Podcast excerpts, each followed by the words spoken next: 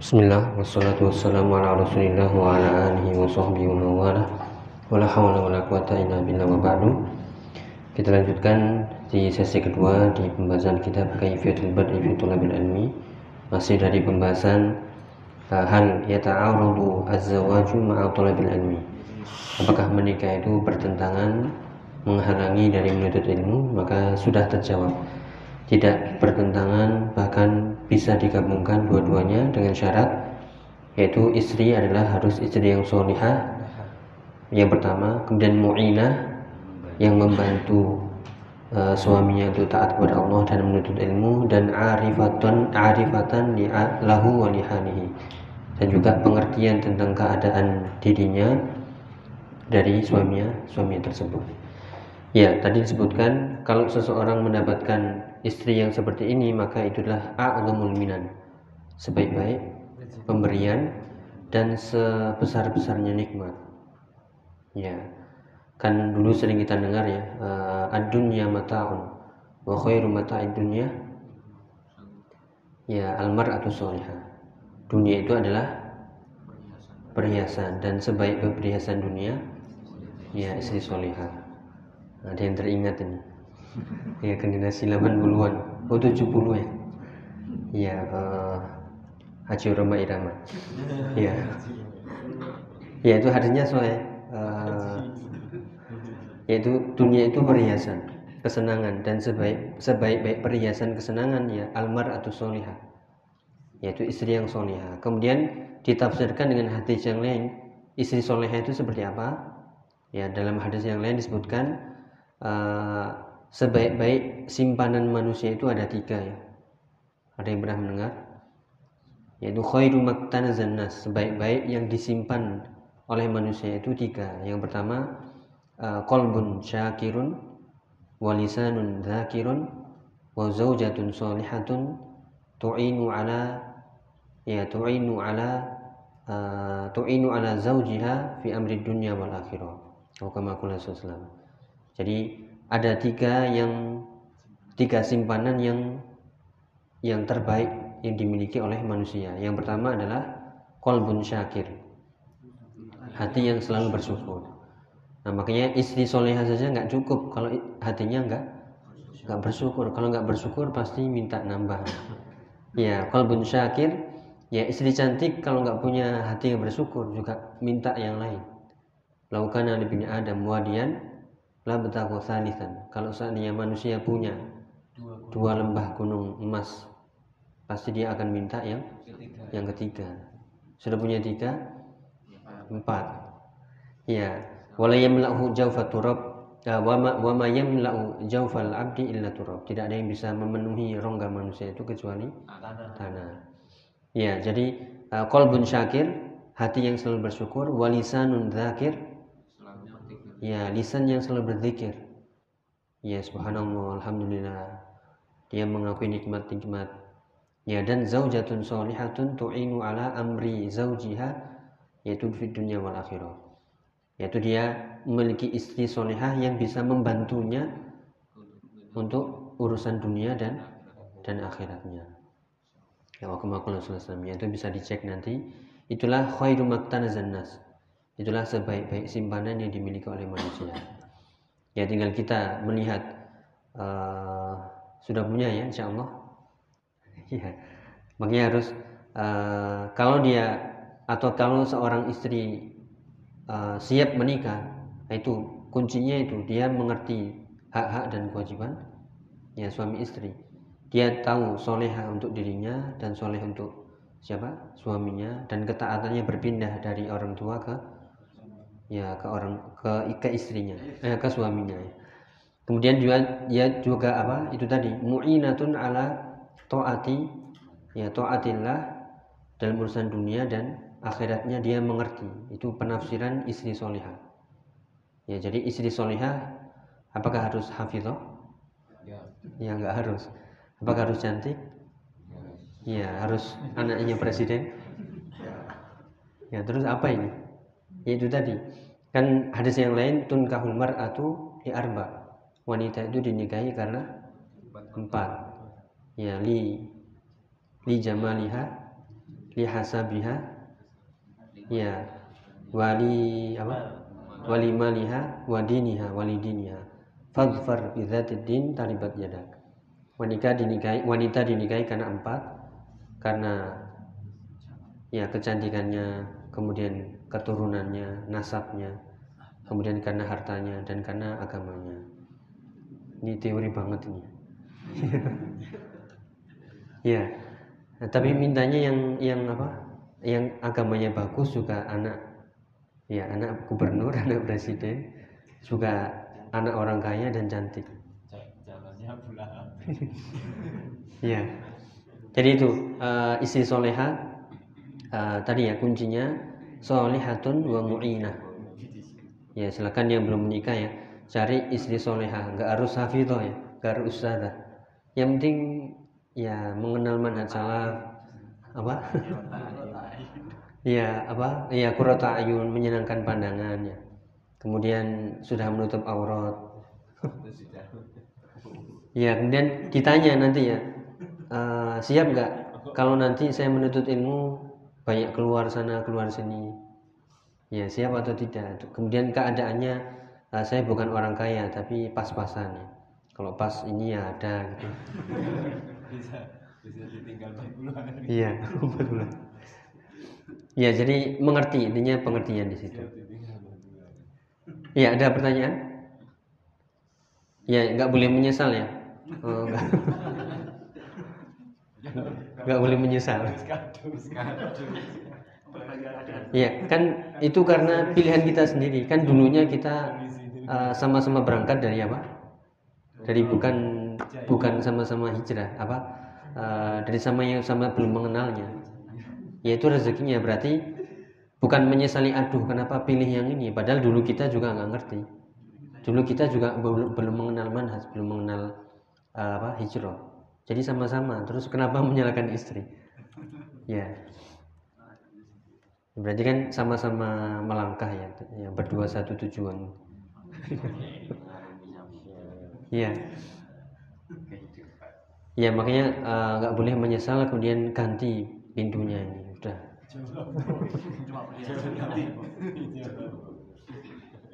Iya. ya itu rezeki harus kona'ah harus diterima tinggal bagaimana memolesnya ini. Memolesnya biar menjadi zaujah solihah mu'inah dan arifah. Istri solihah apa? Iya kurata ayun. Ya insya Allah bisa ya. Karena kalau kita ngerti ilmunya wanita itu mudah menundukkannya. Meskipun kita kadang tadi inna kaidahunna azim. Ya wanita kan tinggal dikasih apa apa apa selesai apa apanya yang nyari nih Ya, silakan dilanjutkan. Waqad jaa fi qaulillahi subhanahu wa ta'ala.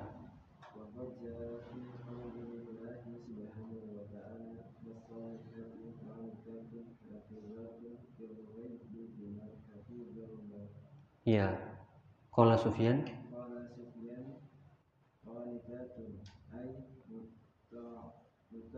Muti'atun lizauji. Ya.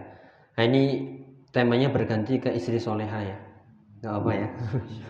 ya bukan ja'a fi qaulillahi ta'ala ada di firman Allah Ta'ala di surat An-Nisa ayat 34. Fasolihatu qanitatun hafizatun lil ghaibi bima hafizallah. Ya wanita-wanita soleha itu adalah yang qanitat. Apa qanitat? Yang taat. Ya hafizat bukan hafal Quran ini ya. Hafiz itu yang menjaga lil ghaibi. Yang menjaga ketika istrinya dalam keadaan sendiri. Ghaib. Ketika di rumahnya nggak ada suaminya, itu dia bisa menjaga anaknya, bisa menjaga rumah, bisa menjaga ya milik suaminya. Bima hafidhullah itu maksudnya. Jadi hafidhot berarti harus soleha, taat, hafidhah. ini salah paham ini. Ya, Qala Sufyan, ini Sufyan Al-Thawri. Eh, itu maksudnya adalah muti'at. Apa muti'at? Yang patuh taat lizaujnya kepada suaminya. Ya, kemudian hafidot silakan.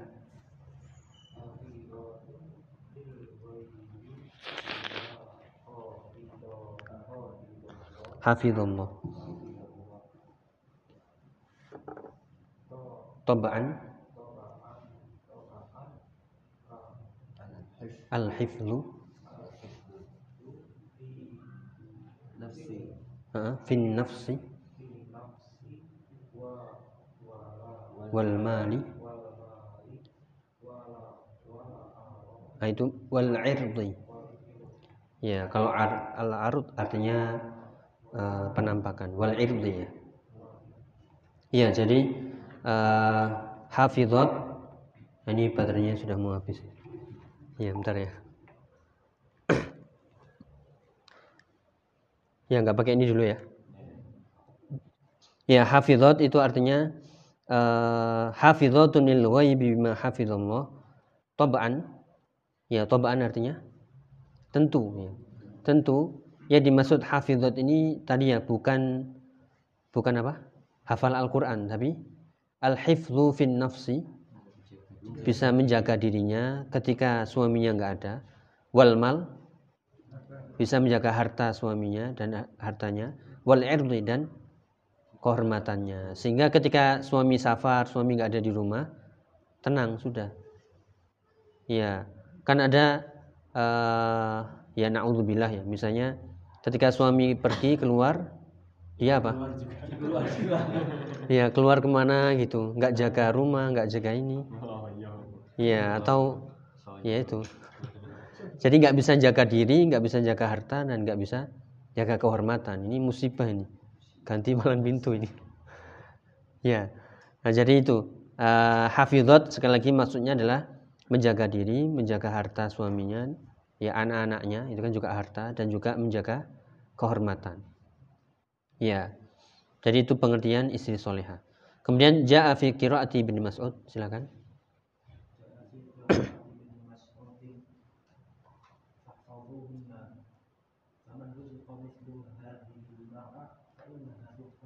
Yeah. لأنها لأنها معينة لزوجها وفاعلها على طاعة الله جل وعلا وعلى تحصيل العلم. نعم. يسر الله عز وجل له مثل هذه المرأة فإنها نعمة عظيمة. نعم. وجاء عند أبي نعيم نعيم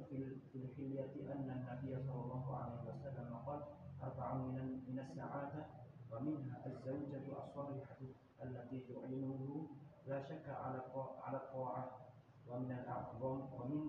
Naam. Nuaim. Ya, ini ya. Uh, penjelasannya waqad jaa fi qiraati bin Mas'ud dan datang kiroah ya. Uh, maksudnya di sini kalau dalam Al-Qur'an ya ada berapa kiroah? Sab, uh, kiroah sabah atau kiroah asyar? Ya, ya benar asyar ya. Hanya yang terkenal tujuh, sebenarnya sepuluh. Sebagaimana madhab, madhab itu enggak cuma empat, tapi banyak. Yang terkenal saja yang empat. Ya, uh, dalam sebuah kiroah uh, ilmu kiroah tentunya fahfadhuhunna. Ya, nanti kita harus tahu ya. Boleh nggak kita membaca uh, dengan beda kiroah misalnya? Nah, kan ada kiroatu wars, kiroatu apa?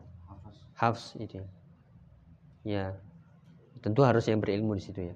Faman ruziko mithlu hadil mar'ah, faman ruziko siapa yang diberikan rezeki mithlu hadil mar'ah seperti wanita ini.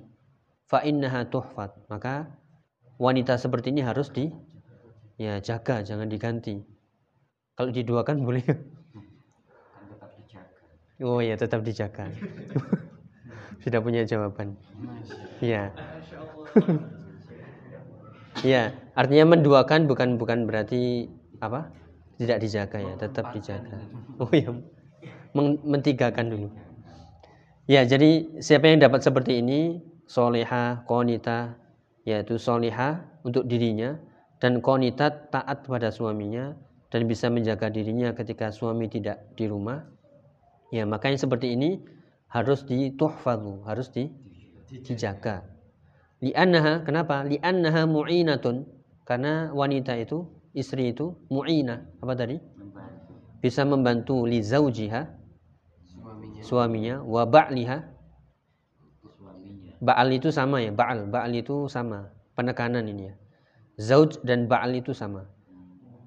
Ya, kalau bahasanya pasangannya ya. Tapi bukan pasangan pacar ya. Uh, pasangan sah. Ala ta'atillah. Karena bisa membantu suaminya dalam rangka taat kepada Allah wa ala tahsilil ilmi dan juga dalam menuntut ilmu. Nah, tadi pertanyaan, kalau yang sudah kadung bagaimana? Ya ini harus diajarkan. Harus di apa? Ya dipoles. Oh ya belum nikah bisa jawab. Iya, udah siap berarti ya. Siap poles, siap poles, siap poles. Ya, berarti tinggal ya dipoles saja uh, yaitu harus mengerti ya, mengerti ini waktunya apa menuntut ilmu, ini waktunya bekerja dan seterusnya. Faman yassarallahu azza wa jalla lahu mithla hadhil mar'ah siapa yang yassar dimudahkan Allah untuknya mendapatkan apa? Mithla hadhil mar'ah seperti wanita yang disebutkan fa innaha ni'mah azimah itu adalah nikmat yang sangat besar ya ya namanya manusia nikmat pengen dua tiga empat dan seterusnya. Karena sudah punya satu yang nikmat uh, seperti yang disebutkan tadi ya uh, kayaknya harus cari nikmat baru. Ya tapi harus mengerti diri sendiri ya. Uh, uh, tetap tetap harus itu apa? Kulukum ro'in itu tadi. Kalau istri satu aja hisapnya lama ya. Nah kalau dua istri bagaimana ya satu istri anaknya empat. Kalau istri hanya anak dua istri anaknya sepuluh misalnya. Hisapnya kan panjangnya itu kalau kalau apa? Nggak adil ya. Kalau adil ya mudah insya Allah. Nah tapi kita nggak tahu. Ya jadi uh, kembali ke situ. Ya faman yassarallahu lahu mithla hadil mar'a fa innaha ni'matun 'azimah. Itu nikmat yang sangat besar. Wa qad jaa'a 'inda Abi Nuaim. Ya ada sebuah riwayat dari Abu Nuaim. Fil hilyah. Apa ini nama hilyah? Nama kitab ya namanya Hilyatul Aulia. Ya perhiasan orang-orang eh, perhiasan para wali. Ini suka ini. Kalau dibaca ke orang desa pas ini. Perhiasan para wali. Aulia itu kan ya jadi ada kisah-kisah itulah apa eh, para wali Allah. Itu Nabi mengatakan sallallahu alaihi wasallam arbaun minas sa'adah tadi yang kita sebutkan isyaratkan ada empat yang termasuk kebahagiaan salah satunya adalah az-zaujatus salihah ini hadisnya Hasan ya, bisa dicek di uh, atau dihasankan oleh Syekh Albani. Apa tadi? Yang pertama zaujatun solihah, al-maskanul wasi', rumah yang luas. Kemudian al-jarus soleh, tetangga yang baik dan al-markabul hani, kendaraan yang nyaman. ya. Kalau misalnya tetangganya nggak soleh, apakah harus ganti? Harus pindah? Ya, ada hadis lain yang meskipun doif itu mungkin maknanya bisa dibenarkan. Inna Allah yuhibbur rajula Sungguhnya Allah itu menyukai seseorang yang lahu al jarusu. Dia punya tetangga apa? Buruk, tapi dia sabar dan mengharapkan pahala dari keburukan tetangganya itu sampai mati. Harus sabar. Sampai sampai uh, sampai ya, sampai meninggal, sampai datang kematian. Ya makanya harus sabar memang. Apa? Ya tergantung kesabaran kita apa? Iya. ya kan sabar itu maksudnya uh, tetap baik, ya tetap menasihati. Kan termasuk iman apa? Uh, iman kepada Allah dan di akhir adalah fal yukrim jarohu memuliakan tetangganya. Iya. Itu gimana? Iya itu kita melihat keburukan. Iya di, di tetangga kita sebisanya, uh, misalnya musik gitu ya. Itu kalau kita memang uh, berat ini. Kadang pagi-pagi sudah konser gitu ya. oh ya sampai malam. Ya itu, ya, ya sabar. Berarti gimana menyelamatkan keluarga kita dulu ya pintu ditutup ya. Atau di rumah dikasih pendengar apa murotal gitu ya. Tapi didengarkan ya. Atau kajian-kajian yang intinya keluarga harus tahu ini musik nggak boleh. Ya dikasih tahu anak nggak boleh dengan musik ini ini Harus boleh, tapi segitu. anaknya joget. ya soalnya dikasih HP isinya TikTok semua oh boleh ya, oh nggak boleh tapi bisa joget. ya itu berarti ya yang ngontrol namanya kan ku anfusakum ahlikum naro jadi harus sabar Eh, kalau kita nggak mau pakai lisan ya tadi pakai eh, kalau kita nggak punya power ya pakai lisan dan pakai hati sudah selemah lamanya iman itu apa itu? Kadang kita terpikir takut apa itu maksudnya termasuk penghalang masuk surga itu gimana? yang mana yang Ya maksudnya punya tetangga seperti itu gitu. Maksudnya Heeh. apa itu? Umpamanya kita khawatir, Iya. maksudnya itu bakal jadi penghalang. Umpamanya kita mau mau masuk surga ternyata punya tetangga yang Oh, iya. Terus dia menghalangi. ya mungkin jika kita tidak ini jika jika tidak apa tidak nasihat ya tidak memberi nasihat tidak amar ma'ruf nahi mungkar artinya ditanya gitu akan eh, sudah menyampaikan atau belum gitu. sudah pernah eh, mencontohkan atau belum ya kadang ya karena namanya kita lemah ya kadang kita cuma bisa mencontohkan pakai sikap Pakai anu Kalau sikap pakai aja. Gitu. Kalau status ini eh, orang yang selain itu bisa baca anunya jadi ini apa? Makanya kita pajang status Iya. yang baca tetangga tetangga kita gitu. Oh ya silakan. Selama itu statusnya untuk mendorong, untuk ngaji, untuk ini silakan. Untuk nasihat-nasihat itu. Meskipun kita nggak tahu ya. Jadi kita nanti sibuk ini yang baca siapa aja. akhirnya ya akhirnya kan Doa, itu. Ya jadinya sibuk kan. Sudah pasang status dicek. Oh, kok cuma satu, masih satu ya yang kira. Yang baca kok cuma masih satu. Ya ya ternyata nomornya nggak disimpan. ya itu apa? yang yang baca yang baca tetangga tetangga Ya. Ya intinya itu tadi. Nanti kita coba. tadi saya sudah baca ya, termasuk eh, memiliki tetangga yang buruk tapi dia sabar sampai datang kematian. Nah, hadisnya sanadnya dhaif ya, tapi itu eh, mungkin bisa diambil maknanya. Jadi eh, ya harus sabar memang. Nah, kalau mau ini ya ya tinggal di apa komplek yang nggak ada tetangganya. Tapi juga nanti nanti juga ini kok sepi ya. Nah? Jadi repot manusia kan repot. Ya, jadi itu eh, empat tanda kebahagiaan dan empat tanda kebu- keburukan sebaliknya. Istri buruk, ya tetangga buruk, ya tetangga buruk, rumah sempit dan kendaraan yang yang buruk juga. Ya, ini bukan pembatasan ya. Berarti kalau nggak dapat empat ini nggak bahagia. ini hanya minas saada. Minas saada itu artinya di antara. Yang biasanya orang itu kan melihat bukan itu. bukan. Biasanya orang melihat itu nyaman ya. Itu kalau istrinya soleh, eh, istrinya soleha, kemudian kendaraannya bagus, rumahnya bagus, luas ya tetangganya wah, sopan semuanya, itu nikmat itu. Ya, tapi kalau dikurangi ya, ya itu sabar. Ya, nampaknya di situ disebutkan az-zaujatu solehah di antaranya. Allati tu'inu la syakka ala ta'ah. Yang membantu tidak diragukan lagi harus membantu dalam urusan ketaatan. Wa min a'zami ta'ah al-ilm. Dan di antara ketaatan yang terbesar adalah ya berarti ini harus dipahamkan. Ini waktunya menuntut ilmu. Maksudnya istrinya harus paham. Ya, jadi tidak boleh mengeluh ketika uh, suaminya baca kitab terusnya. Memang kitab bisa buat makan. makan itu kitab. Bolak-balik ngaji. Masjid aja. kapan kapan boleh duit Ya tentu eh, ini bisa diatur ya. Kalau misalnya nafkah lancar ya ini lancar. Eh, kan biasanya masalah itu kan sumbernya dari kita sendiri kan. Ya atau dari istri. Nah, yang sudah menikah tentu tahu ya. Eh, ya dari kita kadang. Tapi kita egonya seolah-olah apa?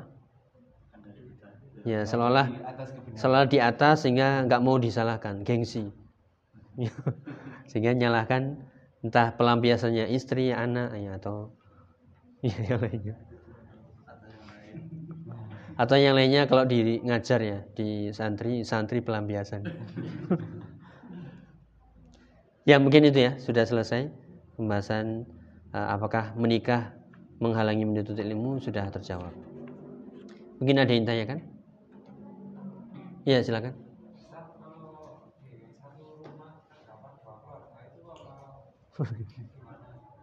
Ya, itu ya. Uh, makanya tadi, uh, tadi ya di antara tanda keburukan itu uh, rumah yang sempit ya. Sudah sudah rumahnya sempit, isinya dua keluarga lagi. Ya kalau masih mahram ya, kalau nggak mahram itu yang berat. Misalnya adik, ya adik kakak dalam satu rumah sama-sama punya rumah tangga, semua nah itu yang berat. Kalau masih satu mahram ya misalnya sama bapak ibu ya masih lumayan. Jiran yang buruk. Gitu. Ya meskipun uh, kadang juga kita uh, serba apa uh, pekewoh gitu ya. Apalagi kalau di rumah mertua, mertua indah. Pondok mertua indah. Jadi dilihat dua keluarga tadi ya, dua keluarganya itu mahram atau bukan? Kalau yang adik kakak itu harus bisa. Misalnya adik punya suami, adik perempuan, terus kita punya istri, nggak boleh ini campur, harus keluar itu. Itu bahaya karena ya apa uh, alhamu maut al maut. Ya ipar itu kematian, seolah-olah orang anggapnya kan oh itu kan ipar sendiri nggak apa-apa, dulur. Ya.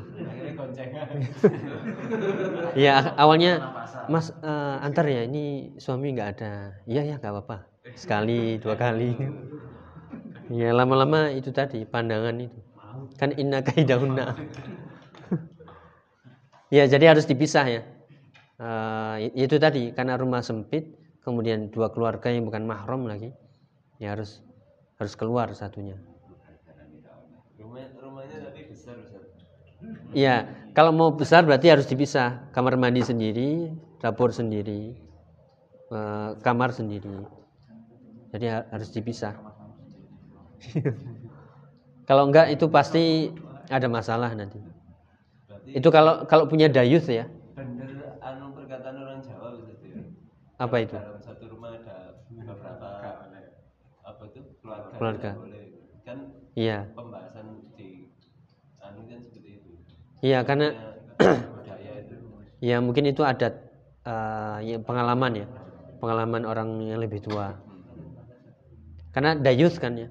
Kalau misalnya istri kita dilihat ipar kita diam-diam aja, wah bahaya ini. Iya, belum ngerti ini.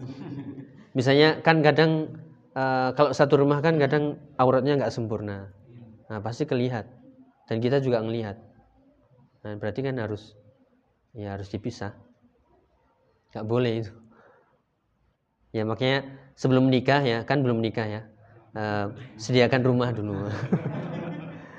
ya nggak apa-apa ngontrak ya. Ngontrak nggak apa-apa. Yang penting kan rumah. Iya rumah kan semuanya kita nyewa kan.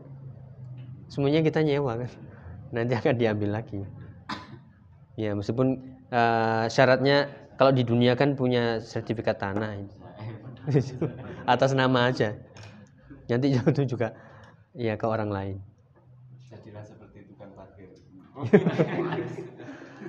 bukan musafir. Oh ini dalil lain nih. Berarti kun ya bukan kun ala apa? Uh, jadilah seperti musafir ya, tapi jadilah tukang parkir masa. Iya. Oh ya bahaya tukang parkir itu. Ya ada lagi? Mas Afan ya? Oh ya. Orang tua Iya. Iya kan itu mahram ya. Berarti itu uh, kesempatan kita berbuat baik. Biru walidain. Kan istri kita ke bapak kita kan juga mahram. Jadi nggak nggak ada masalah. Yang penting kita mengaturnya bagaimana terus apa?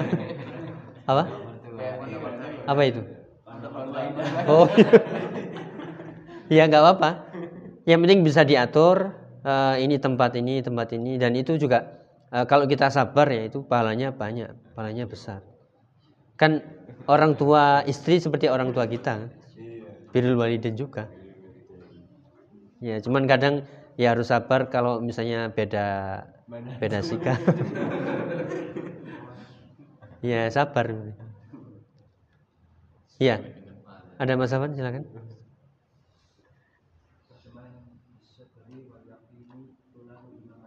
oh ya ha. ya dengan sabar dan yakin itu akan memperoleh kepemimpinan dalam agama. Bisa nanti dicek ya di surat itu tadi eh, surat as-sajdah di tafsir as-sa'di. Tafsir as-sa'di ya. Artinya eh, seorang bisa menjadi pemimpin syaratnya harus sabar dan dan yakin. Sabar tadi ya tiga kemudian yakin terhadap dalil-dalil janji-janji Allah di ayat-ayat dan juga eh, hadis Nabi SAW ya maksudnya dengan sabar dan yakin kepemimpinan agama itu akan diraih. Seseorang akan menjadi pemimpin yang sukses yang berhasil kalau dia sabar dan yakin. Bukan disalah artikan gitu misalnya? Ya ya ini untuk untuk orang yang beriman ya. Maksudnya kalau mau jadi pemimpin dalam urusan agama ya harus sabar dan yakin. Kalau itu kan riasah ya kepemimpinan politik ya.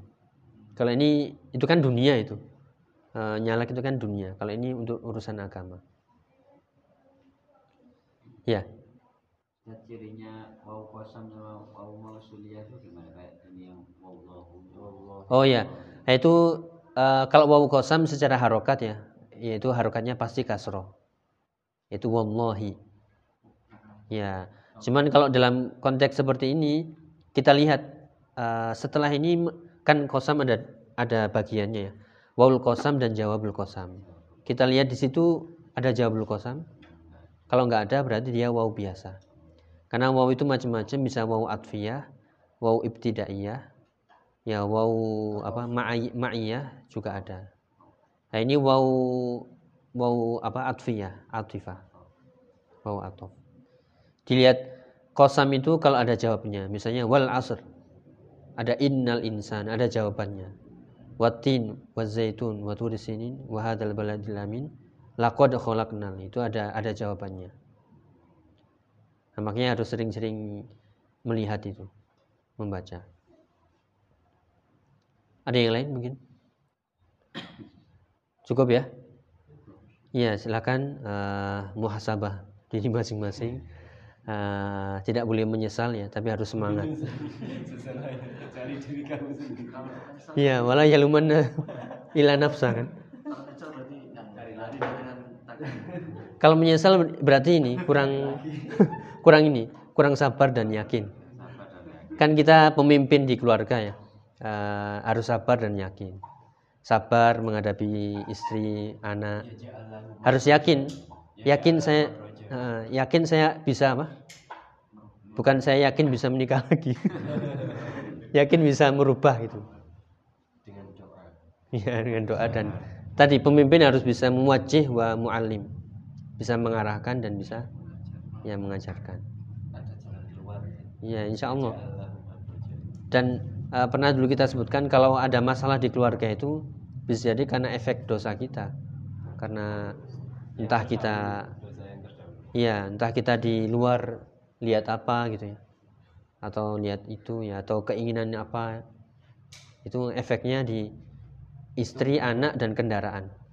Atau tiba-tiba rumah bocor. sampai para salaf dulu kalau kemasukan tikus itu Iya, itu efek dari mas iya bisa jadi. Kan tikus itu kan minal fawasik. Hewan-hewan fasik itu tikus, ular.